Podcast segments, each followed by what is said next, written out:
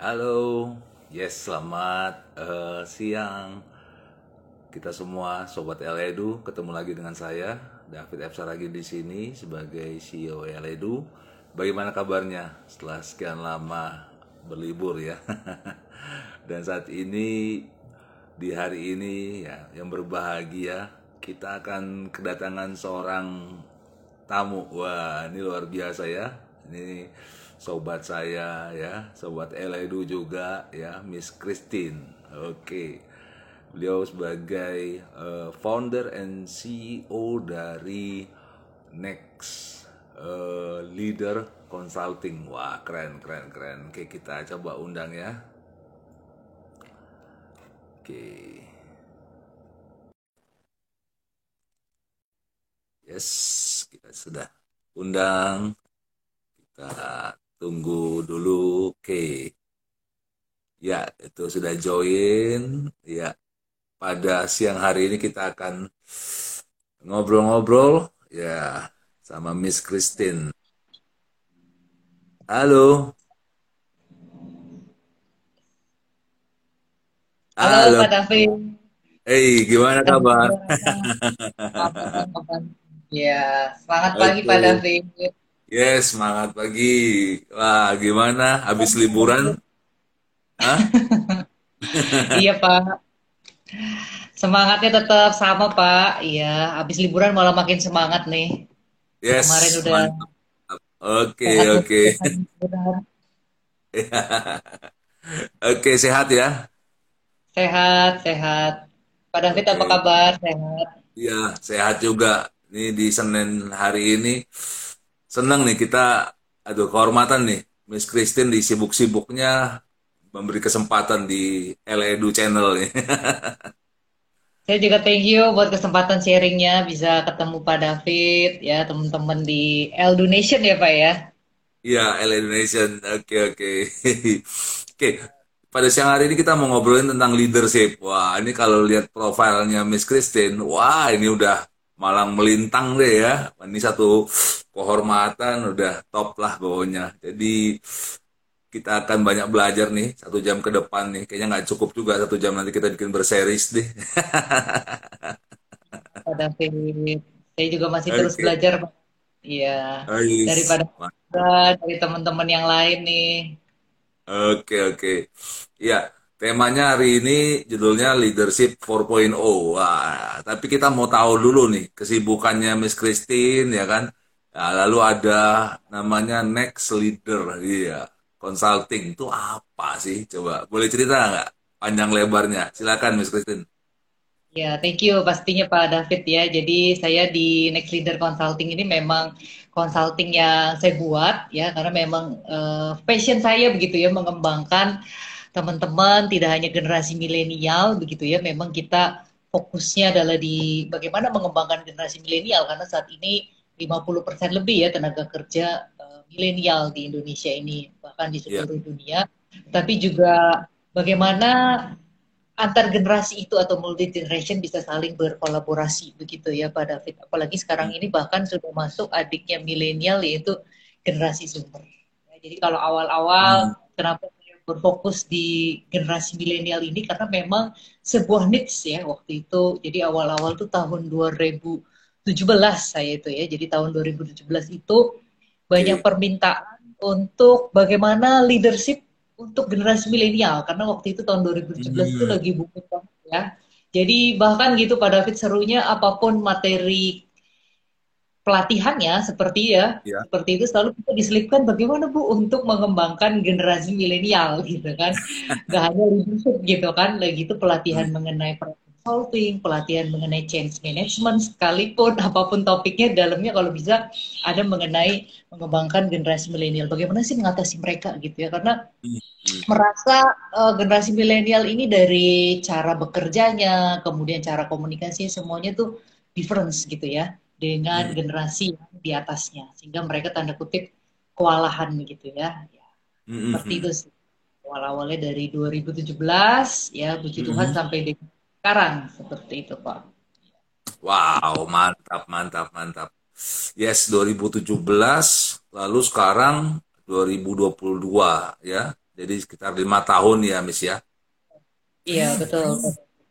Wah keren keren keren. Nah itu apalagi sekarang kan eh, memang betul tadi ya dikatakan nama Miss Christine ya Indonesia termasuk negara yang kena yang namanya bonus eh, demografi ya.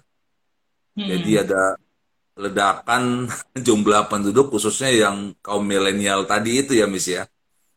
betul betul. Oke oke oke. Nah ini menarik nih ya. Jadi kalau dibilang eh, kalau di, di apa namanya lebih spesifik lagi kalau gitu next eh, leader consulting ini eh, memang eh, apa namanya fokusnya memang kepada leadership gitu ya, Iya betul betul betul. Oke eh, oke. kita fokuskan di leadership terutama sekali untuk generasi milenial dan multi generation gitu ya. Bagaimana saya sendiri Hmm, dan juga itu memang memfokuskan bagaimana sih pendekatan untuk milenial itu berbeda gitu ya. Tapi biasanya hmm, saya hmm, bikin praktis mungkin sesimpel mungkin dan sesuai dengan pengalaman di lapangan juga ya. Jadi sebelum saya di Next hmm, Leader saya di beberapa organisasi baik di hmm. konsultan atau juga di corporate gitu ya. Jadi Ya ya menghadapi ya. juga generasi yang lebih muda gitu ya. Jadi kalau saya lihat sih Hmm. sebenarnya secara practically dan sudah terbukti itu cukup kita punya tiga senjata aja nih Pak David gitu ya. Wow, apa tuh? weapon gitu ya untuk mengatasi milenial. Biasanya kadang pendekatannya bagaimana sih kita harus dilatih kepemimpinan sekian la- berapa lama begitu kan. Kemudian apakah corporate culture-nya perlu dirubah dan seterusnya itu bisa gitu ya. Tapi yang penting kita terapkan ada tiga habit terlebih dahulu gitu ya. Jadi yang paling top three lah ya untuk kita Hmm, bisa pendekatan ke milenial. Apalagi nanti Zoomer tantangannya berbeda tapi adalah kesamaannya gitu ya. Jadi yang pertama memang milenial ketika bekerja dia tidak ingin ya udah selesai bekerja ya nanti setiap tahun kita evaluasi atau setiap semester. Mereka itu sangat mendambakan gitu ya bahkan haus namanya sebuah umpan balik. Nah, itu ya. hmm, Atau sebuah istilahnya dapat feedback lah gitu ya hmm. feedback itu nggak kalau nunggu kelamaan gitu Pak David ya. Di dalam feedback ini juga harus ada appreciation tadi. Apa yang sudah baiknya sih? Ya pengembangan hmm. diri saya itu apa lagi nih nextnya nih gitu ya. Mereka nggak bisa udah bekerja and then dicuekin aja, diem aja, nggak tahu hmm. eh, hasilnya begitu ya. Karena mereka mencari sebuah tidak hanya pengalaman ataupun misalkan ujung-ujungnya duit gitu ya kalau orang bilang bekerja, tapi mereka mencari sebuah portfolio ya. Saya sudah bisa Hmm. ini next apa lagi. Jadi perlu umpan balik atau feedback yang cukup sering ya, bahkan berkala begitu ya. Kalau bisa Ya, dalam ya. setiap minggu, bisa dalam hitungan Hmm. hari. Itu top one tuh ya. Dan Yes. makanya pendekatannya untuk bisa umpan balik yang cepat itu kita nggak bisa pendekatan yang kepemimpinan mungkin satu arah ya. Kalau saya sendiri di Hmm, Next Leader banyak untuk pelatihan-pelatihan khusus membekali coaching gitu Pak David hmm, ya. Kalau saya banyak mengenai coaching, bagaimana melatih leadersnya itu untuk bisa menjadi seorang coach yang bisa memberikan umpan balik tadi ya secara Ya, ya, berkala dan waktu singkat, tapi sering begitu ya. Kemudian ya. top 2-nya begitu ya, milenial itu dijamin ya, maksudnya sudah banyak bukti juga dia akan lebih stay lama ketika mendapatkan sebuah flexibility di dalam bekerja. Jadi kalau Oke. dia dapat fleksibilitas, kemudian bisa Hmm, bekerjanya itu kalau kita dengar istilah dulu ada work life balance gitu ya Pak David ya. Ya, ya, Nah, ya, ya. mereka tuh nggak cuma work life balance tapi menginginkan bisa work life integration. Di dalam bekerja Hmm, saya bisa dapat uang juga nih. Di dalam bekerja saya bisa networking gitu ya. Jadi sebuah fleksibilitas itu ya dalam bekerja plus plus gitu ya. Jadi work life Oke. Passion, ya. Dan yang terakhir nih ya ketika mereka dapatkan sebuah fleksibilitas itu karena kita nggak bisa pungkiri ya masih banyak saya menjumpai sendiri organisasi yang punya proses SOP yang panjang. Milenial ketika dari remaja gitu ya apalagi zoomer pada ya ketika mereka Hmm, lahir generasi adiknya itu ya, sudah serba instan gitu kan. Suruh menghadapi SOP sama oh nggak bisa ya. Tapi kenyataannya company masih banyak tuh yang seperti itu gitu Betul, kan. betul, betul. Jadi Ya. perlu perlu pandai-pandai menginternalisasi atau sosialisasi mengenai why prosesnya gitu kan. Kenapa sih Hmm, perlu pandai gitu kan. Kemudian juga dilibatkan nih mereka gitu ya. Jadi mereka itu pengen juga dapat pengalaman-pengalaman menggunakan atau mengimplementasi teknologi ya sudah 4.0 ya saya sendiri pun ya, ya. di ini kita ada digital learning solution begitu ya pada David ya jadi Hmm, digital learning solution kita buatkan bagaimana semuanya sudah digitalize gitu karena ini Yes. mereka perlu dijelaskan uh, why prosesnya. Kita sih memang lebih banyak ke learningnya ya Pak ya. Jadi bagaimana ya. learning digital bisa dimasukin di desktop ataupun dari handphone mereka kita buatkan uh, hybrid learning seperti itu sih. Nah itu why prosesnya tuh. Ya utamanya adalah tiga aja dulu ya habits itu leader lakukan. Nah itu akan jauh yeah, lebih bisa merangkul nih generasi uh, milenial gitu ya. Kita nggak usah ngomongin yang sampai corporate culture dulu atau leadershipnya dirubah. Tiga aja ya, tapi itu juga sudah yeah. merupakan sebuah langkah awal pendekatan leadership yang uh, semakin bisa dekat dengan generasi milenial. Ya. Mantap. Ini ini ibaratnya udah jurusnya Bruce Lee ini ya pakai tiga jurus saja dulu. Pengalaman aja Pak, Pak David ya gitu iya, kan. Iya, iya. Karena saya sendiri sudah sempat dibuat bukan cuma tujuh keliling pusingnya Pak, delapan hmm. keliling ya ada generasi milenial di organisasi dulu. Jadi uh. ada resignnya sampai kabur hmm. ya kan bayar uang resign puluhan juta itu dilakukan oleh sampai yeah. milenial. Yang kita benar-benar surprise, kaget generasi di atasnya itu nggak seperti itu gitu kan. Mereka hmm. jauh berbeda ada perilaku seperti itu atau sikap yang tanda kutip berani seperti itu ya. Kebetulan kan ya. dulu di itu Pak David ya, ya antara Betul. kaget dan ini udah delapan keliling, cuma tujuh keliling. Iya karena kalau dibilang kan e, kalau generasi kita atau sebelumnya itu kan ya dalam tanda kutip kalau ada tekanan pressure tuh ya ada toughnya lah ya. E, oh, uh, ya kan ya lembur ya udah oke okay, gitu kan ya tapi ya mohon maaf nih ya di hmm. di era milenial ini ya kaum milenial ini ada istilah baru nih Miss yaitu healing. Ya dikit-dikit healing. Dikit-dikit apa sih? Pada healing ya. Healing healing healing. Oh, okay, okay. jadi ya, cari ya, ya, betul. ah gue pengen healing dulu gitu ya. Maksudnya ya, ya. kalau ada pressure ya cari healing atau kesembuhan. Ya maksudnya pergi ke wisata gimana gitu ya ya notabene kita juga kepengen juga sih tapi biasanya kan ya bisa setahun bisa dua kali gitu kan pas anak lagi limpuran gitu. Ya. nah ini ini pas banget ya. Jadi teman-teman ya sobat Eledu di mana saja berada ya ini wah kita ketemu dengan Miss Christine nih dari uh, founder dan CEO ya Next Level Consulting. Wah ini sangat-sangat luar biasa deh ya stay tune terus. Nanti kalau uh, kelewat ya bisa juga ya uh, jadi followernya uh, sebutin coba IG-nya Miss Oh boleh. Nanti ah. tahu juga ya, mungkin di siang hari ini ada yang sudah masuk kantor begitu ya. Ya, uh, ya. Coba saya ketikkan. Ya, ke IG-nya next level ya. Oke, okay. nah di situ banyak banget tuh ya tips-tipsnya ya kan, lalu banyak sekali ya. yang namanya bahan-bahan yang bagus ya bisa di uh, pelajari yang bisa nanti jadi satu panduan. Oke oke, okay, okay. thank you buat yang join. Ya, ya. kita di sini masih bersama dengan Miss Christine. Ya, saya sendiri David Saragi di sini. Kita membahas tentang millennial 4.0. Wah, oke. Okay. Nah itu IG-nya Miss Christine ya, Christine.handayani. Yes, ya silakan di follow ya. Iya. Oke, okay. Miss. Nah, ini kalau ya. tadi ngomongin tentang leadership 4.0, kan juga 4.0 ini kan identik dengan digital ya? Betul. Nah, nah kalau boleh tahu nggak, Miss, antara leadership yang saat ini gitu kan ya, uh, yang sebelumnya maksudnya, dengan yang dengan digital era ini, apa sih yang membedakan sekali, Miss? Yang... Ya, betul ya. Silakan. Uh, jadi kalau kita bicara leadership 4.0 itu identik dengan digital leadership begitu ya Pak David ya karena hmm. memang milenial dan juga include itu mereka itu adalah orang-orang yang sangat high talent gitu di dalam teknologi. Jadi kita juga sebagai leadersnya perlu melibatkan untuk pengembangan talent mereka itu sudah mulai menggunakan teknologi. Ya. Kasih aja mereka hmm. tugas-tugas yang bisa mengembangkan atau mendevelop teknologi. Kasih wewenang hmm. di sana, ya hmm. budgetnya mulai dari yang sangat sederhana dari apps-apps yang hmm. tidak berbayar sampai dengan nanti kalau sudah investasi makin besar mereka memang hmm. kita kasih kepercayaan mengembangkan sistem-sistem online gitu kan hmm. jadi walaupun bukan dari orang IT begitu ya pada saat mereka itu cepat banget tuh mempelajari hal-hal yang high teknologi gitu ya jadi hmm. saya sendiri mengatakan bahwa milenial itu kan haus pengembangan diri, gitu. haus umpan balik yeah. yang terus berkala, ya kan. Kemudian kalau ada satu tugas itu apa sih reason di balik itu gitu kan why-nya. Nah, ini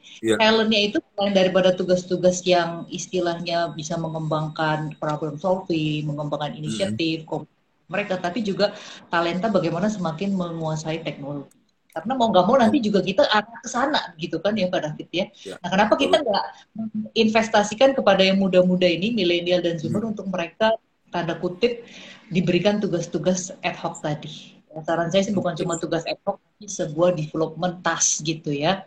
Nah itu mereka ya. akan solid banget tuh Pak David ya. ya. Bahkan istilahnya dikasih tugas tambahan bisa jadi kalau generasi di atasnya tanda kutip aduh komplain nih ada tugas tambahan. Tapi kalau tugas tambahan yang terkait dengan teknologi ini bagi mereka tuh meaningful banget ya. Yes. Mereka mendapatkan sebuah justru mendapatkan sebuah trust dari atasannya. Ya kembali lagi cara menugaskannya pun dengan gaya coaching gitu ya. Hmm. Atau kalau kepemimpinan mungkin yang sudah gayanya partisipatif ya dan tadi Ya, jadi saya selalu ketika bicara digital leadership ini, yuk kita punya nggak sih uh, development development program untuk pengembangan talent mereka di bidang teknologi tadi, seperti itu sih. Uh, yes, jadi kalau gitu leadernya nggak boleh gaptek ya, Miss ya. jadi ya minimal sedikit demi sedikit lah paham begitu ya. Nah, ini ini gawat deh kalau kalau leadernya uh, apa namanya gaptek gitu ya. Iya iya iya. iya. Oke okay, ini Oke oke, jadi ini benar catatan penting banget nih ya. Jadi para leader-leader juga harus belajar gitu ya untuk perubahan digital ini karena yang dihadapi ya anak-anak yang suka digital ya kan, era-era mereka gitu. Kalau oh. sekarang aja masih kebingungan dengan perubahan gitu kan, Zoom aja masih harus manggil manggil anak buat netting. Iya. Aduh itu mah harus berubah ya kalau enggak wah udah bisa di ini deh bisa dibully deh sama para milenial itu fun deh uh, Pak David begitu ya. Jadi hmm. kalau di sendiri digital learning solutionnya kita buatkan tuh di dalam pembelajaran pembelajarannya nggak hanya bicara oh kita belajar secara online gitu ya bisa akses hmm. dari handphone desktop itu akan membosankan juga gitu kan tapi iya, iya. kita pasti ada kuis-kuisnya ada game-gamenya bahkan gamenya udah nggak kalah juga nih sama game-game misalkan kita kalau main uh, istilahnya PlayStation dan seterusnya ya nah itu kita hmm. lengkapin tuh ada game kuis mulai dari kuis yang sangat sederhana sampai game-game yang sifatnya sudah hmm. challenge yang menantang yang ya nggak kalah hmm. lah di game-game di PlayStation nah itu kita kita bangun itu di samping ya. pembelajaran pembelajaran secara material. Ya. Karena kan hmm. online itu kan lebih ke satu arah ya. Ketika online dari handphone, dari gadget hmm. satu arah kita ada kuis-kuis seperti itu. Dan biasanya juga secara high technology ini milenial tidak bisa hanya kita berikan perangkat online untuk belajar. Kemudian ada kuis-kuis yang menarik juga tentunya. Tetapi kalau saya sih sarankan, saya sendiri di Next Leader, beberapa klien kami ini hybrid. Setelah itu kita ada pertemuan tatap mukanya. Walaupun hanya sebentar ya, sesi review, ya. sesi reviewnya dibuat yang fun, tapi juga meaningful, practical, ya mereka bisa enjoy. Isinya apa? Di dalamnya kita review lah di situ. Hmm. Kita sesi lebih kepada tanya jawabnya. Kita sesi lebih kepada enhancementnya, apalagi sih bagaimana prakteknya. Nah, seperti itu. Ya. Wow, mantap, mantap. Yes. Nah, Miss, kita, mau tanya kita, ya. Di hmm. Donation, Pak David banyak buat di sekolah-sekolah kan ya Pak ya. Sekarang yes. apalagi mungkin generasi Zoomer dan bahkan Alpha ya kalau di sekolah-sekolah gimana coba kita pakai mulai dari apps-apps yang sederhana aja pak jadi apps di handphone kita aja ini uh, banyak hmm. sekali ya free kita bisa manfaatkan gitu kan ya. nah kadang-kadang kita aja kurang explore gitu kan membuat Betul. pembelajaran lebih fun buat anak-anak generasi muda sekarang ya. yes yes yes yes yes mantap mantap ya Miss mau nanya dong ya uh, ini kan mau nggak mau dan uh, suka nggak suka gitu ya ya kayak satu perusahaan itu kan saat ini kan pasti ya dengan usia usia-usia yang sudah mungkin uh, sudah mau ke pensiun gitu ya. Jadi harus ada tongkat estafet nih ya, tongkat estafet hmm. kepada generasi yang lebih muda lah gitu ya. Dan di sini juga ada kaum milenial juga gitu ya. Nah, apa sih Miss kalau boleh tadi uh, jelaskan sedikit gitu ya keunggulannya mereka gitu ya kaum milenial tadi itu ya dan juga uh, ya kalau dibilang kekurangannya gitu ya tapi uh, kita uh, gimana ya sebagai orang yang akan memberikan tongkat estafet apa yang kita mesti lakukan nih biar mereka uh, yang kekurangan mereka itu jadi uh, jadi bisa uh, teratasi gitu. Siapa mungkin nih kita lihat ya pasti semua ada kekurangan ada kelebihan gitu kan ya, tapi ya. kalau di milenial itu satu gitu ya ya banyaklah kelebihan jadi setiap generasi itu mereka punya sebuah ciri khas gitu kan bahkan ya. punya unik sendiri ya uh, kolonial bukan kolonial lah ya yang Gen X gitu kan bahkan baby boomers kalau dulu kita bilang yeah. kolonial gitu ya yeah. dengan milenial mereka punya gitu. Makanya saya lebih suka untuk bagaimana kolaps antar generation. Tapi yang paling utamanya gitu kelebihan milenial dan ini juga menjadi perbedaannya dengan zoomer ya. Zoomer mungkin nggak hmm. sampai di situ gitu kan. Nggak terlalu kuat dalam hal ini. Jadi milenial tuh generasi yang suka banget untuk kolaps atau kolaborasi. Generasi hmm. yang intensif begitu kan. Suka networking. Jadi kalau bekerja pun mereka sukanya intim gitu kan. Dalam tim yeah. gitu kan. Uh, mungkin Pak David juga pernah dengar gitu kan bagaimana dibuat proyek-proyek kecil seperti itu yes. itu jauh membuat milenial uh, apa namanya mereka merasa pekerjaan itu meaningful gitu kan mereka mm -hmm.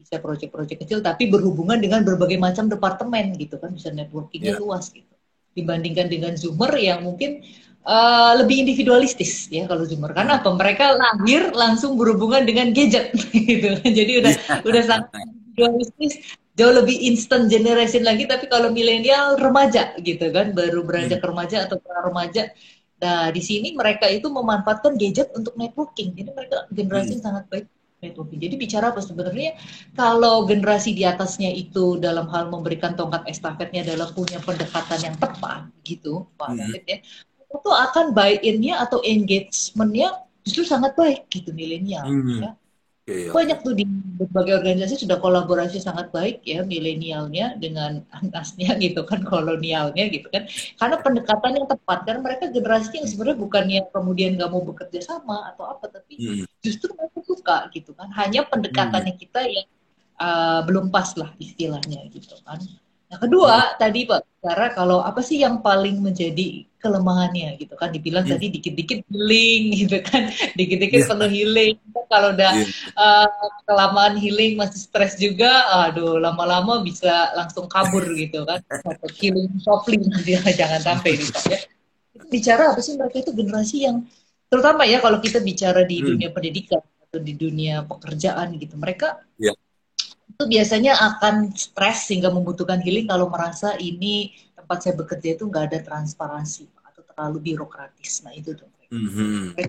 Yang pengennya semua kalau bisa tuh transparan lah, ya fair begitu kan. Saya dikasih mm-hmm. tahu itu dan seterusnya. Nah mereka itu kalau udah ngeliat terlalu birokratis, mereka nggak bisa move sama sekali, nggak ada movement yang berarti, nggak bisa dapat mm. portfolio, ya kan tahu ya mungkin corporate yang terlalu tertutup seperti itu, mm. mungkin budaya sekali atau kurang ada transparansi, nah itu mereka menjadi titik kelemahan mereka akan biasanya tadi ya awal-awal gejala pertama mungkin mengatakan saya butuh healing gitu kan nah hmm.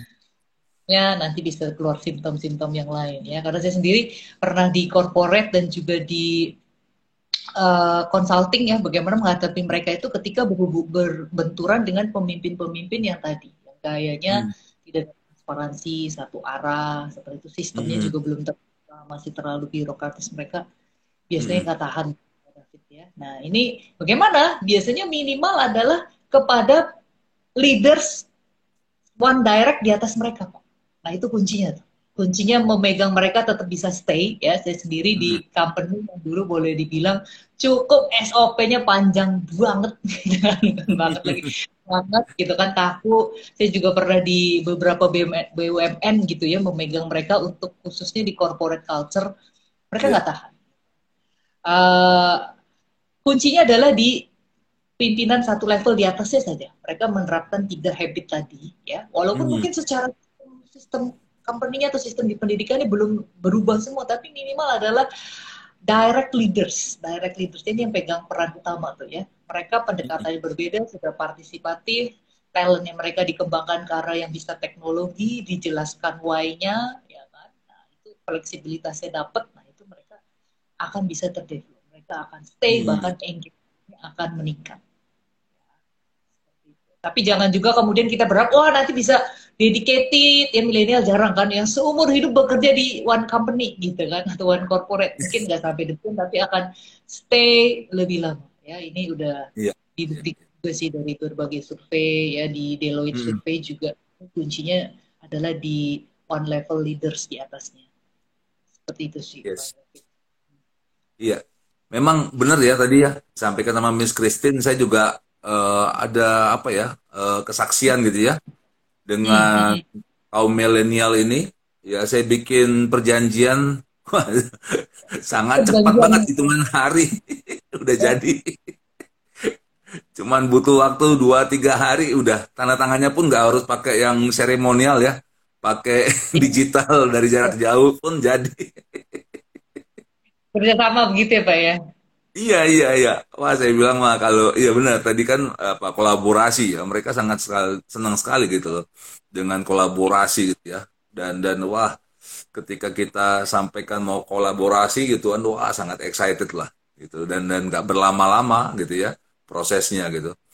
Oke dan memang betul ya tadi dibilang bahwa mereka uh, kalau dibilang juga mereka itu uh, memang menekankan kepada experience gitu ya Miss ya. Hmm Betul. experience gitu ya ketika mereka dalam sebuah usaha ya. Contohnya mereka ada di startup gitu kan ya. Ada experience-nya gitu kan ya. Mereka bisa stay bisa lebih lama gitu ya di situ ya. Betul. dibandingkan satu kerjaan yang monoton. Benar gak kayak gitu mas? Betul sih uh, Pak David. Jadi mereka mencari experience itu adalah dalam hal istilahnya dalam satu waktu itu ya saya mendapatkan sebuah pengalaman bukan hanya penglamaan nah ini nih mereka hmm. gitu ya Wah, kalau lima tahun itu kalau bisa jangan cuma dapat pengalaman sebenarnya satu tahun tapi dikali hmm. lima diulangi lima kali nah itu mereka hmm. nggak tahan gitu kan hmm. jadi mereka mendapatkan apa sebuah pengalaman atau experience ini yang dapat sebuah portfolio gitu jadi portfolionya hmm. bisa makin tahun ini saya belajar ABC begitu kan menguasai skill hmm. tiga ini nextnya tahun depan saya sudah dipercaya lagi bisa memimpin project di bidang ya lain hmm. DE yeah. gitu kan nah, portfolionya makin penuh nah itu mereka senang tuh dapat sebuah challenge challenge baru hmm. gitu kan. mungkin secara remunerasi gak jauh beda gitu kan dengan company yeah. yang mungkin tadi ya yang lebih menawarkannya adanya pengalaman tapi mereka akan lebih stay yang memberikan portfolio portfolio tadi hmm uh, generasi yang saat ini kita hadapin begitu kan. Kalau generasi atasnya mereka memang lebih kepada dedication ya, mereka hmm. lebih kepada mencari sebuah stable situation. Nah, ini beda sih. Ya, karena memang generasi itu dibentuk sama era atau zamannya sih Pak David ya. Kalau kita lihat mungkin yeah. Gen X bahkan di atasnya mereka itu hidup ketika zaman negara kita banyak pergolakan begitu kan ya. Nah, yeah. ya. Jadi mereka ketika bekerja itu mencari sebuah stability ya mencari hmm. sebuah situasi yang bisa stabil secara keuangan secara hmm. nanti bisa untuk keluarganya secara jabatan itu buat mereka kalau jabatannya mentereng gitu kan namanya wing manager atau apa tuh wah yeah. itu yang dicari gitu kan sebuah kemapanan tapi milenial lahir di generasi yang di tahun-tahun itu ya 80-an akhir sampai 90-an itu justru situasi sudah sangat baik gitu kan mereka uh, ekonomi juga baik orang tuanya juga kebanyakan uh, berkecukupan dan kemudian secara ya. pendidikan juga jauh lebih tinggi begitu kan nah mereka justru butuh sebuah tantangan-tantangan yang lebih justru situasi-situasi yang lebih dinamis itu yang mereka harapkan yeah. nah ini ada komen juga nih dari Pak Planius. Wah, ini yeah. rekan kita. Yang Halo, Pak Planius. Oke. Okay. Kan versus pengalamaan betul sekali nih Pak Planius ya. Jadi ini udah jadi jokes mereka gitu. Oh ini mah pengalamaan yeah. nih ini gitu kan nggak tahan. Tapi yeah. bagaimana bisa stay tiga tahun, tapi dalam tiga tahun ini benar-benar dapat banyak portfolio. Nah ini memang hmm. ya kalau saya dulu di XR, XR-nya nih Pak David yang PR-nya nih kita perlu uh, mengembangkan terus program-programnya begitu kan. Nah mm -hmm. ya saya kalau boleh sharing dulu itu kalau membuat program-program development program seperti itu gitu ya. Bahkan yeah. mereka itu suka di cross gitu kan. Selesai development program kalau dari angkatan-angkatan sebelumnya mungkin yang ada Gen X ataupun milenial awal. Nah, milenial sendiri menarik nih, ada milenial awal sama milenial akhir. Milenial oh, yang akhir tahun 80-an masih lebih bisa stay. Tapi kalau udah milenial hmm. yang lahirnya tahun 90 sampai 96 mereka lebih lebih lebih mendambakan tadi ya sebuah pengalaman yeah. yang lebih uh, dinamis. Jadi lucunya habis hmm. selesai program development gitu biasanya sekitar enam bulan sampai satu tahun ya mereka bekerja lah di bidangnya gitu kan. Nah ini yeah. menariknya kalau milenial justru setelah itu mereka sudah belajar dan sudah ready diterjunkan di bidangnya, justru mereka yeah. kalau bisa saya dimutasikan bu gitu kan. Nah itu ya. Ya justru kemudian siap dipindahin lagi ke bagian lain. Ya cukup belajar MDP tadi satu setengah tahun tadi ya itu kalau yeah, yeah. justru bertemu lagi dengan bidang yang sama, resignnya tinggi. Ya saya menghadapi sendiri tuh tingkat rate resignnya itu tinggi pada ya 50% hmm. lebih mereka lulusan development program di program yang sama dan mereka stay di departemen atau di divisi yang sama mereka pada resign. Tapi hmm. ketika mereka mutasi, mereka dapat hmm. challenge yang baru. Bahkan ketika itu kita mutasikan ke anak perusahaan kita yang notabene itu challenge-nya berbeda banget kan.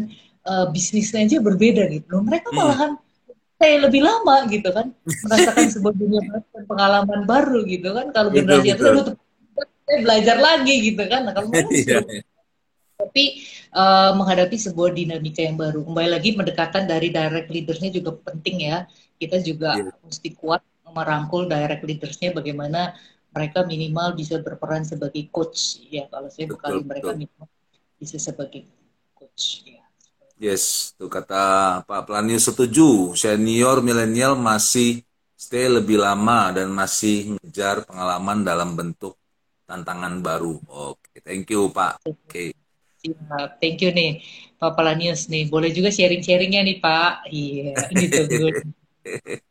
Kalau ada pertanyaan, ya silakan juga. Eh, silakan nih mumpung ada Miss Christine di sini. Wah, keren keren. Oke. Okay. Nah, ini memang betul ya tadi kata Miss Christine gitu ya dan terjadi juga ya. ya mungkin kalau di Indonesia belum karena terlalu masih banyak rakyatnya tapi kalau di dunia barat sana ya apalagi yang banyak pasangan yang juga akhirnya tidak mau memiliki anak gitu kan ya. Wah krisis krisis sumber daya manusia ya. Uh, lalu belum lagi milenialnya juga males juga jadi pegawai negeri pemerintahan gitu ya. Maunya maunya healing. Dan dan itu membuat bingung ya pemerintahnya sekarang gitu. Kalau di dunia barat itu sangat terasa ya kalau di ya. Indonesia mungkin uh, ya mungkin baru berdampak uh, belum seberapa gitu ya nah ini menarik sekali gitu bahwa tantangan ini uh, tantangan global ya dan ini uh, bukannya masih jauh di ujung sana enggak ini kalau kita nggak mempersiapkan dari sekarang, wah ini berbahaya betul ya buat rekan-rekan semuanya yang ada dalam institusi ya dari pemerintah maupun dari swasta gitu ya. Dan di LA ini kebanyakan para startup bisnis ini yang ikut dalam channel ini juga ya mesti ya punya kreativitas yang sangat-sangat luar biasa bagaimana dalam pengelolaan para milenial ya. Begitu ya, Miss Christine ya. Hmm. Nah, mungkin boleh sharing nih Pak, kalau di L Education sendiri seperti apa nih Pak untuk memperkali startup tadi ya, ataupun mungkin ya. leaders yang benar-benar yang generation nih, seperti itu Pak. Yes, ya kalau kami memang di sini memang apa ya, uh, startup bidang edukasi. Ya kami pun hmm. lahir dari pandemi tahun 2020 ya, di mana kita melihat hmm. tentang uh, satu apa ya yang paling juga bukan hanya soal fisik yang terkena dampak dari pandemi tapi juga uh, dari uh, psikis ya dari apa namanya dari karakter yang kena uh, dari uh, masalah mungkin dirumahkan ya kan uh, dia di pemotongan gaji dan akhirnya ya terdampak kepada keluarga gitu kan ya dari sisi karakternya berubah gitu nah namun memang eh, kita selain daripada individu, karakter builder maupun eh, institution, ya termasuk hmm. sekolah, karakter sekolah gitu. Nah, karakter sekolah yang di mana kita melihat ya sangat apa ya, mungkin kalau kita mungkin di kota kita nggak terlalu melihat, namun kalau kita melihat sampai ke daerah-daerah gitu ya yang sempat kemarin saya datangi di daerah Jawa Timur itu sangat hmm. sangat berdampak gitu ya uh, pandemi COVID dan akhirnya terjadi banyak hal yang har harus di adjust gitu ya, sama sama apa namanya institusi sekolah seperti itu. Nah ini yang kita hadir di situ LEDU ya kan kita coba untuk menyampaikan terutama dari sisi manajerial ya. Manajerial jadi memanage sebuah sekolah atau lembaga pendidikan itu seorang kepala sekolah atau seorang pemimpin lembaga pendidikan itu tidak cukup eh, hanya uh, pandai mengajar ya mengerti hmm. kurikulum gitu ya bikin silabus gitu ya. Namun uh, mereka sebagai pemimpin sebagai leader harus juga memiliki skill sebagai seorang manajerial. Seperti itu. Hmm ya mesti paham juga tentang keuangan ya kan? Mesti paham juga tentang uh, ilmu komunikasi tentang marketing gitu kan ya? Pendekatan kepada customer bagaimana ya? Dan juga belajar tentang peraturan-peraturan gitu ya? Tentang law yang yang pastinya yang berhubungan dengan Kemendiknas gitu ya? Kemendikbud hmm. seperti nah itu yang uh, LEDU itu seperti itu Miss. Dan memang kami melihat ya kalau sisi dari leader dari customer-customer atau klien-klien kami gitu kan ya memang eh, kebanyakan karena karena memang di dalam dunia sekolah itu eh, memiliki kemampuan untuk eh, nggak semua ya tapi kebanyakan itu eh, untuk eh, hanya dalam sisi belajar mengajar gitu ya oh. kemampuan kita ya jadi eh, ini bukan hanya ngomongan saya tapi seorang hmm. Nadiem Makarim pun mengakui gitu ya kalau uh, kepala sekolah kebanyakan di Indonesia itu itu sangat ke, kekurangan kemampuan manajerial. Hanya tahunya pada teachingnya ya, mengajarnya hard ya. skillnya mereka. Ya, betul, betul. Karena kebanyakan memang juga dari guru kan, dari guru terus uh, dianggap uh, mungkin mampu dalam memimpin terus diangkat jadi kepala sekolah, ya kan? Atau sebelumnya jadi wakil kepala sekolah seperti itu. Nah ini kalau saya bilang uh, perannya nanti next uh, leader consulting ini penting banget juga masuk ke sekolah-sekolah. Eh, semoga ya kalau nanti kita kolaps lebih jauh lagi. Ada beberapa klien sekolah gitu kan, hmm. jadi dari university juga ya. Hmm. Pernah juga sih bekali para teacher ini bagaimana hmm. belajar kan kemudian adalah tidak hanya istilahnya teaching tapi sekarang juga teachingnya mungkin sudah berbeda nih dengan generasi hmm. yang sekarang ini gitu kan kemudian juga bagaimana secara soft skillnya ya kemampuan yeah. komunikasi ya kan bahkan konseling yeah. ya sekarang ini aduh anak-anak sekarang ini kan istilahnya benar-benar dengan dunia digitalisasi itu tidak yeah. bisa kita pantau nih ya aktivitasnya ya. sejauh mana aja sih gitu kan. Kelihatannya duduk santai di depan handphonenya gitu. Tapi nggak tahu dia udah berjelajah ke mana aja gitu kan. Bagaimana memberikan konseling bagi mereka ya kemudian juga tadi ya leadership dan juga komunikasinya gitu ya. Jadi kalau saya sendiri gitu kan uh, untuk para guru-guru ini ataupun di sistem institusi pendidikan ini uh, saya katakan adalah perlu memang dengan berbagai jajaran di sekolahnya dan juga terhadap muridnya itu adalah kita pendekatannya dialog gitu kan.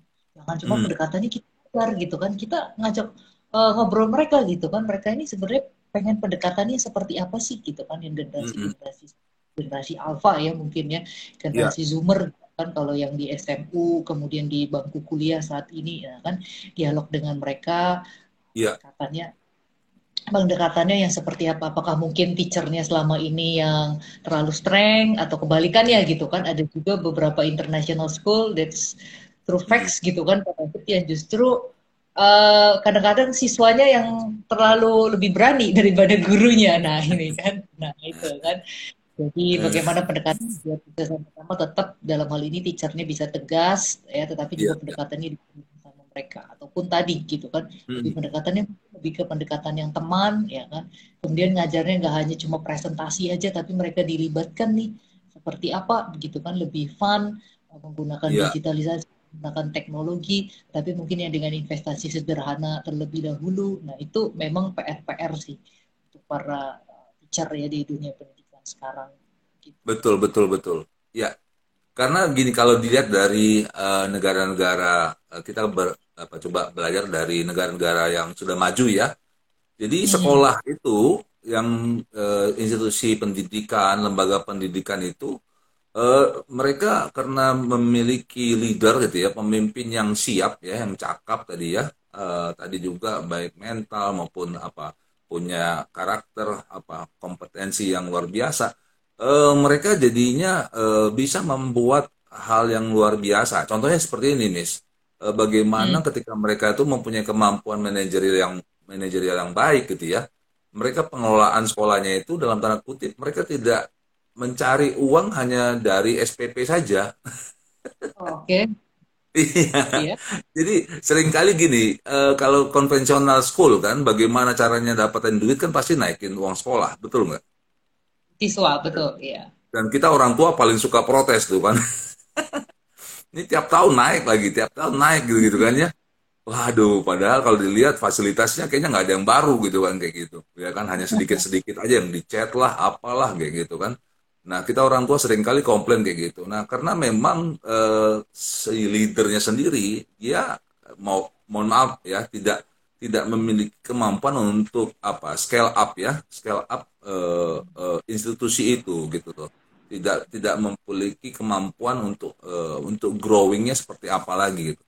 Nah, tapi kalau kita belajar dari dunia e, barat gitu ya, e, yang sudah lebih maju gitu ya, itu mereka bisa bikin e, dalam tanda kutip itu istilahnya bisnis in business gitu. Jadi enggak tidak apa ya, tidak nanti digenjot dari kenaikan uang SPP gitu ya, atau uang pangkal gitu ya, tapi mereka mereka bisa bikin e, bisnis in business gitu ya. Contohnya gitu ya, ketika mereka hmm. punya alma mater yang besar gitu ya, yang sudah besar gitu ya mereka bisa hidupkan itu alma mater itu sedemikian rupa akhirnya dari alma mater alma mater yang sudah punya apa mereka punya penghasilan kedudukan jabatan gitu ya itu bisa ngebantu sekolah tersebut gitu dan akhirnya ya itu tadi misalkan butuh eh, misalkan butuh eh, apa misalkan butuh eh, kendaraan gitu ya uh, ataupun yeah. alat cetak gitu.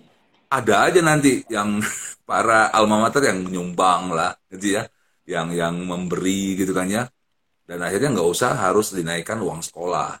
Seperti itu. Jadi itu salah satu contoh yang semestinya para leader-leader yang ada di sekolah di institusi pun memiliki ya kemampuan seperti itu gitu. Nggak cukup hanya belajar mengajar. Nah itu sih Miss. Kalau sedikit tentang Eledu apa yang kita bisa uh, apa namanya uh, boost up ya nanti ya di sebuah sekolah gitu institusi uh, lah para leader-leader itu juga memiliki kecakapan manajerial yang baik. Nah, kurang lebih kayak gitu. Kemampuan networkingnya ya dari para leaders di institusi pendidikan ini ya, bagaimana Betul. tetap mempunyai um, influence dengan para alma mater tadi, ya kan? Ya. Mungkin exactly. tidak hanya nyumbang, mungkin bisa juga di di skill bisnis acumen ya nih kalau bicara gitu kali ya Pak ya. David ya. Mana betul, mungkin betul. sekolah bisa punya bisnis apa nih kalau tadi kan bicara ada orang-orang yang benar-benar punya hati bisa menyumbang hmm. gitu kan. Tapi ya. gimana para alma yang mungkin sekarang udah pada jadi bisnismen, orang terkenal, mungkin orang di BUMN, ya, mungkin di barat. Betul. Berpengaruh di negara uh, hmm. punya ide-ide bisnis apa nih gitu kan buat di sekolah mereka sehingga betul, ada betul ya kan bisnis humannya nih karena saya yes. sendiri juga di korek juga kan bagaimana karyawan dari moral leaders yang paling hmm. dasar misalkan supervisor gitu kan mereka hmm. punya nggak sih uh, tanda kutip insting untuk bisnis acumen gitu kan ya kan bisnis yeah, kan yeah. bisa juga tidak hanya bicara jual tapi apa sih yang bisa diefisiensikan nah itu juga yes, yes. bagi yang kemudian nanti bisa lebih profit lagi nah iya tuh boleh tuh betul betul nah uh, contoh Benar, benar, benar, benar. Ya, contoh lain itu kayak begini, Miss. Ya, dengan orang tua murid gitu ya. Uh, hmm. Seringkali hmm. tuh uh, apa namanya? Karena saya juga backgroundnya juga 8 tahun lebih saya di sekolah juga gitu ya.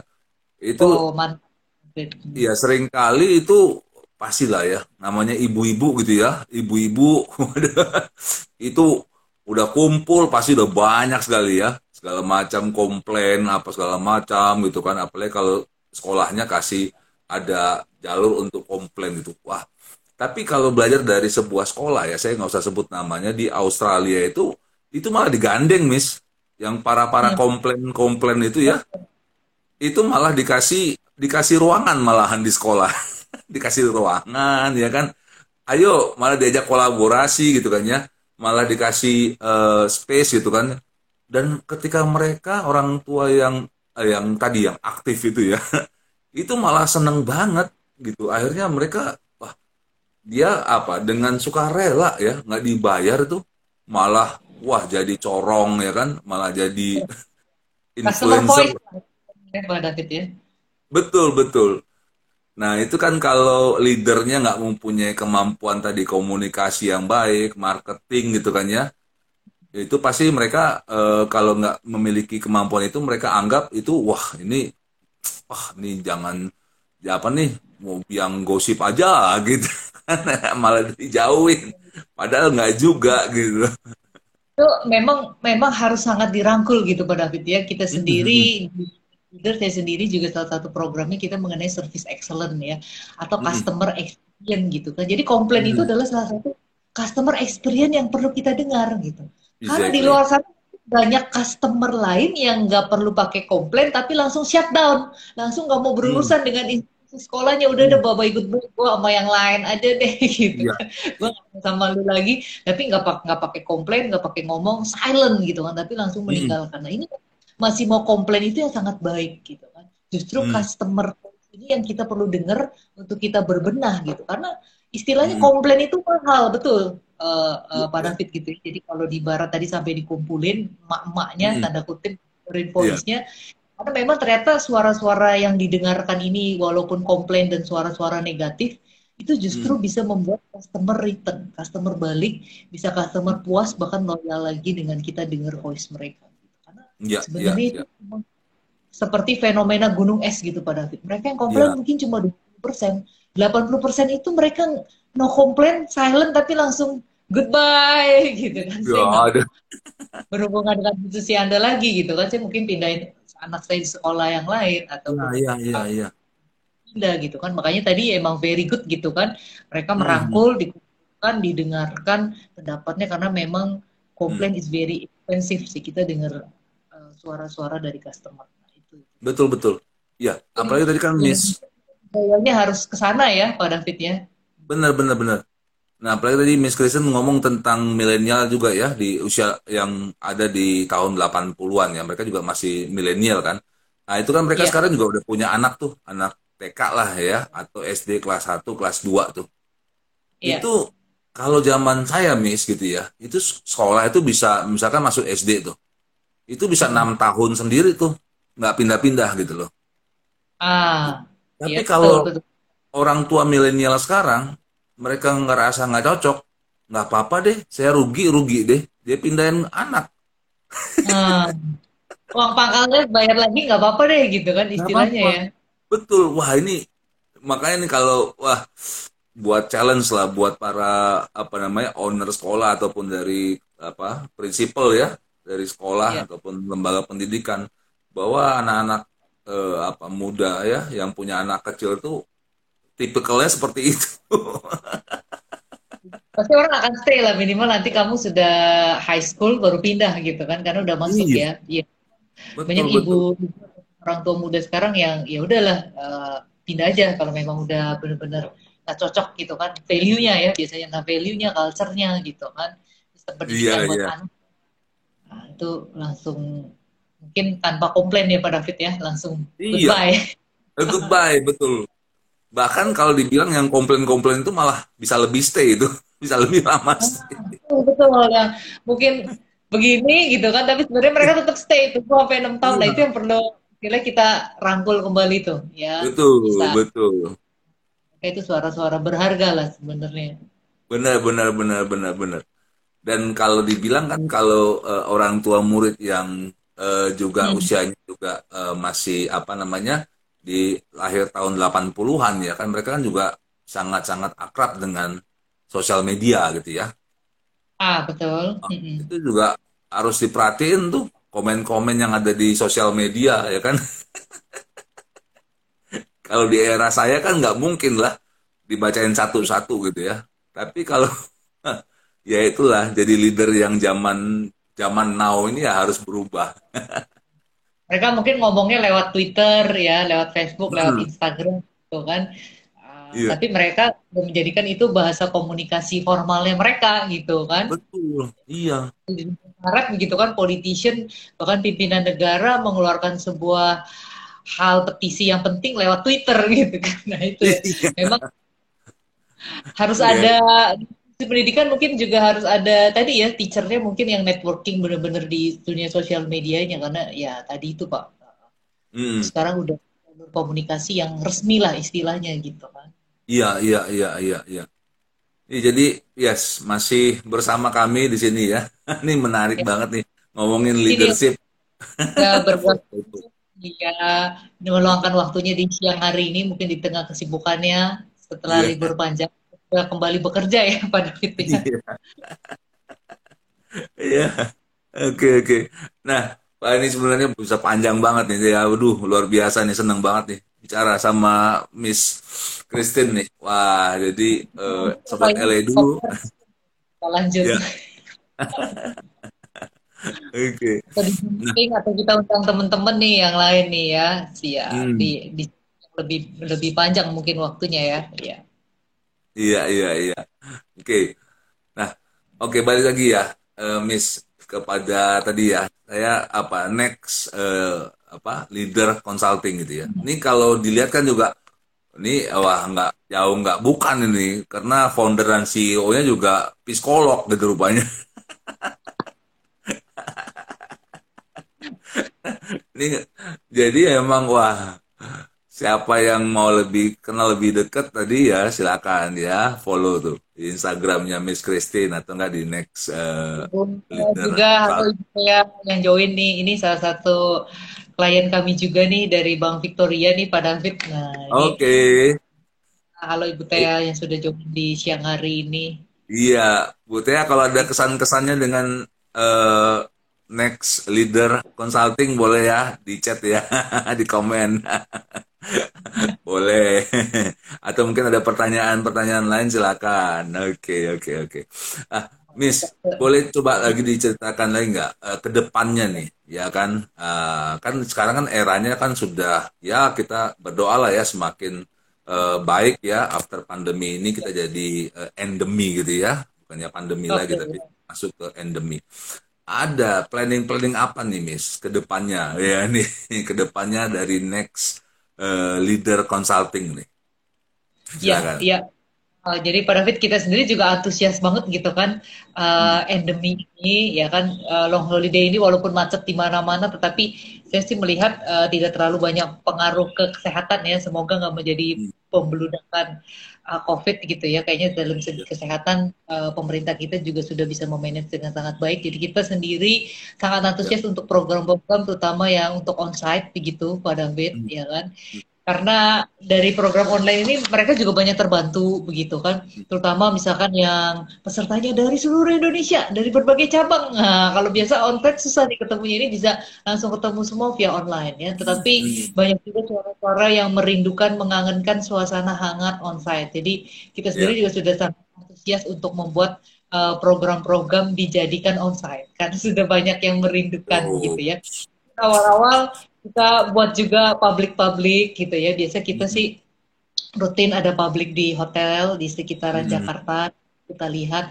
Tapi tadi ya dari beberapa di tahun ini sendiri juga sebenarnya sempat sudah ada beberapa yang meminta onsite gitu pada Fit ya. hmm. ya. Tapi kembali lagi kan sempat waktu di bulan Februari kemarin tiba-tiba meningkatlah Omikron ini ya. Jadi diturunkan lagi gitu kan. Jadi uh, onsite kemudian lebih kepada apa sih yang menjadi fokus kita ya. Uh, kembali lagi top tadi sih Pak, kita bagaimana bangun sebuah habit leadership yang partisipatif gitu kan. Hmm. Bagaimana kita sendiri memang banyak program-program tuh membekali bagaimana untuk mencetak leader-leader sebagai seorang coach begitu kan. Hmm. hmm. Nah, kita juga bekali mereka sampai dengan implementasi menjadi seorang coach gitu kan. Jadi okay. saya sendiri dengan berjalannya waktu lagi liburan ini banyak mengoreksi hasil pekerjaan para peserta karena peserta banyak yang lagi on the job training nih gitu kan. Ya, Jadi di tengah okay. ada PR itu on the job trainingnya apa on the job training mereka praktek bener-bener ya jadi hmm. di leader ini tidak hanya di dalam kelas pelatihan tapi mereka praktek bagaimana hmm. bertemu dengan anak buahnya, bertemu dengan tim membernya, dan melakukan sesi pengembangan atau development programnya. Coaching, ya kan, kemudian bagaimana discuss apa yang menjadi halangannya di dalam timnya. Nah itu ya. kalau secara online ini begitu Pak, kita banyak hmm. lewat video tapping. Nah itu tuh ya, video hmm. tapping di sudut digitalisasi mereka pun silakan bertemunya online kalau sulit karena pandemi gitu kan. Nah, mungkin uh, kita juga sudah siapkan program-program yang onsite begitu kan. Mm-hmm. Bagaimana praktiknya onsite, bagaimana pembekalan coachingnya juga yang onsite. Nah, ini mereka sangat mm. antusias karena memang sudah kangen ya dengan tatap muka yang onsite ya. Yeah, Selain yeah, daripada yeah. Uh, mungkin tadi ya secara digital learning kita juga terus jalan ya kan sesuai dengan kebutuhan dari klien itu sih Pak kalau dari fokus kita di endemi ya, ini ya. kita hmm.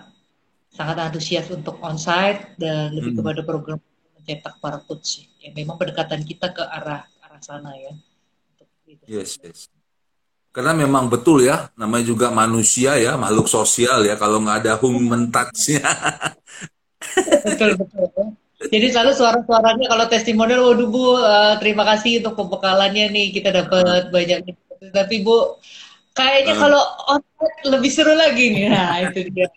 Karena bertemunya yeah, yeah, melihat yeah. laptop gitu kan teman-temannya saling sapa di layar laptop, di layar handphone, tapi mm -hmm. kalau ketemu uh, pastinya ya semoga endemi mm. uh, segera endemi nih pada fit. Iya, betul betul. Benar benar benar benar benar. Iya, memang sama yang saya rasakan juga seperti itu setiap webinar ya kan Pasti ada juga. Saya masih ya online ya, masih via online ya pada David ya. Masih, masih, masih ya. Setiap bulan Tapi itu ada dua kali, tiga kali, ya. Ada yang sudah mulai 50-50 onsite ya Pak ya? Mungkin kalau di sekolah ya. Sudah, bahkan waktu kemarin saya sempat ke Mojokerto, ya kan? Ada sebuah madrasah yang minta hadir gitu kan, onsite. Ya dengan prokes lah. Bagaimana mau nggak mau ya kan ya sudah uh, kita tetap prokes ya kan kita hadir di sana tiga hari gitu kan ya dan memang uh, saya sendiri uh, merasakan kok berbeda lah ketika membawa ketika dalam uh, webinar zoom gitu ya uh, mau berjam-jam ya tapi ketika hadir itu beda betul mereka bisa ini excited banget saya juga excited banget ya karena udah dua tahun ya Pak ya tidak jumpa gitu kan ya. Betul betul betul betul betul. Dan dan apa sebagai konsultan juga saya juga apa ya merasakan uh, blessing ya ketika bisa hadir hmm. secara onsite gitu kan ya. Walaupun harus dengan perjalanan yang jauh gitu ya. Tapi excited sekali gitu. Excitednya hmm. dalam arti uh, bisa uh, memang nggak dipungkiri ya kita makhluk yang memang makhluk sosial gitu ya. memang harus ketemu lah gitu. Kalau lihat Pak David dengan ke sekolah-sekolah di luar Jawa ya Pak ya, uh, ya kan luar Jakarta, luar luar Jawa gitu kan, itu excited banget nih di tengah pandemi ini mereka bisa mulai tatap muka ya. Iya iya iya. Dan ini juga nah, yang di hmm, yang hmm. di apa namanya, yang dirindukan uh, sama anak-anak anak-anak di sekolah juga kan, bagaimana mereka excited sekali ketika uh, onsite itu ya, bisa offline lagi. Uh. Nah, kalau online ini dibilangnya katanya foto meeting pak, bukan meeting sama orang gitu kan, meeting sama foto. Apalagi yang off cam gitu kan, foto meeting. Iya. Itu ditinggal ya nyala tapi ditinggal masak gitu kan. Nah, Tadi. Kan kita tahu gitu kan. Jadi foto meeting istilahnya. Foto meeting gitu ya. ya saya saya sendiri banyak belajar lah. Dua tahun ini sangat banyak belajar sekali gitu ya. Dengan apa yang diizinkan oleh Tuhan yang kuasa gitu kan ya. Untuk hmm. kita benar-benar uh, buat saya sih uh, riset lah ya. Riset dalam arti riset ya dari nol lagi. balik ke nol lagi gitu kan ya. Yang saya yakin dan percaya di dunia yang baru ini, new era ini pastilah uh, sesuatu apa yang kita as the leader juga harus banyak yang kita persiapkan. Oke, okay, nggak ya. berasa nih waktunya nih. Aduh, bener-bener. Tapi saya sekali lagi minta buat Miss Christine nih closing ya. Mohon maaf, saya sih nggak mau sebutnya closing statement ini karena kepengen lanjut terus. Silakan Miss ya, Christine. Oke, okay, ya thank you nih Pak David buat sharing-sharingnya. Ya saya sendiri dapat banyak hal-hal yang sangat menarik, ya sangat insightful juga, dan juga teman-teman yang sudah hadir juga, begitu ya. Jadi kalau saya sendiri mungkin apa ya istilahnya uh, bukan closing statement tadi ya, Pak bilangnya ya. Mungkin kata-kata kata-kata apa nih Pak? Kata-kata terakhir sama juga dengan closing statement ya ya istilahnya apa yang bisa sama-sama kita berikan lah ya buat hmm. teman-teman baik teman-teman di institusi pendidikan teman-teman di corporate gitu kan jadi uh, kita jangan dulu punya mindset mereka itu berbeda gitu kan dengan kita. Misalkan generasi milenial ataupun di sekolah teacher uh, anak-anak zaman sekarang udah berbeda sekali. Orang tuanya aduh orang tua milenial beda banget sama orang tua saya dulu gitu kan. Karena siapa tahu kita pun dulu seperti itu gitu kan. Dengan yang di hmm. atasnya kita pun dianggap uh, berbeda gitu. Tapi bagaimana ya. kita mau duduk bareng dulu ajak mereka sebagai teman ya kan ngobrol pendekatannya partisipatif gitu kan kita dengar mereka ternyata punya banyak kelebihan-kelebihan yang bisa kita kolaborasikan ya kan? yes sekolah sendiri ya kan saya rasa misalkan gitu ya Pak David nah mungkin nih uh, yang paling insightful saya dapat gitu ya dari sharing tadi Pak David sekolah ini kan mau nggak mau pasti ke arahnya nanti semua makin digitalisasi gitu ya Pak David ya yes. nah, ini orang tua orang tua yang milenial ini Pak kalau kita bisa gandeng mereka libatkan mereka untuk tanda kutip sama-sama membangun sistem pendidikan yang makin digitalized itu mereka antusias gitu kan terutama yes. misalkan mak-maknya atau ibu-ibunya gitu kan mulai dari suara-suara mereka mereka terlibat karena mereka adalah generasi yang juga muda yang sangat dekat dengan uh, teknologi tadi kan ya betul Betul. Kalau perlu dilibatkan juga nih para orang tua muridnya tidak hanya alma mater gitu ya. Ini tadi ide yang sangat hmm. insightful dari Pak David untuk membangun sebuah bisnis in bisnis atau punya jiwa bisnis acumen ya. ya. Karena ini saya pernah pernah pengalaman begitu ya di salah satu yeah. sebuah sekolah gitu kan. Jadi ketika itu hmm. uh, sekolahnya ingin mengadakan farewell ya kan perpisahan, hmm. perpisahan yeah. sebuah event yang besar dan perlu banyak dana gitu kan. Tapi akhirnya yeah. dana tersebut pada bisa tertanggulangi berkat ibu-ibu atau mamanya dari orang tua murid nih yang punya yes. jiwa bisnis gitu kan. Entah mereka melakukan bisnis berbagai macam itu menarik. Akhirnya dana farewell partinya itu bisa tercover. Oh, itu luar biasa saya bilang ya. betul, betul, betul.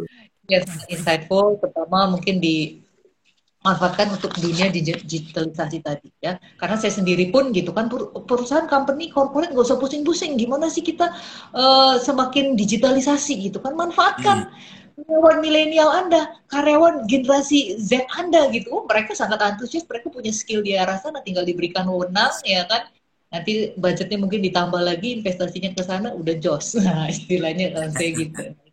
Mereka sebenarnya sudah punya sumber daya tinggal dimanfaatkan tinggal pendekatannya yang tepat seperti itu jangan mindsetnya kita sudah mengatakan mereka different sama kita gitu kan. Itu sih pada okay.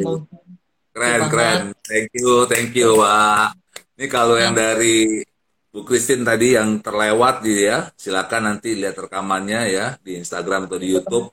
Itu ada tiga jurus. Wah, ini ini luar biasa nih kayak Won Fei Yung ya, pakai tiga jurus saya selesai.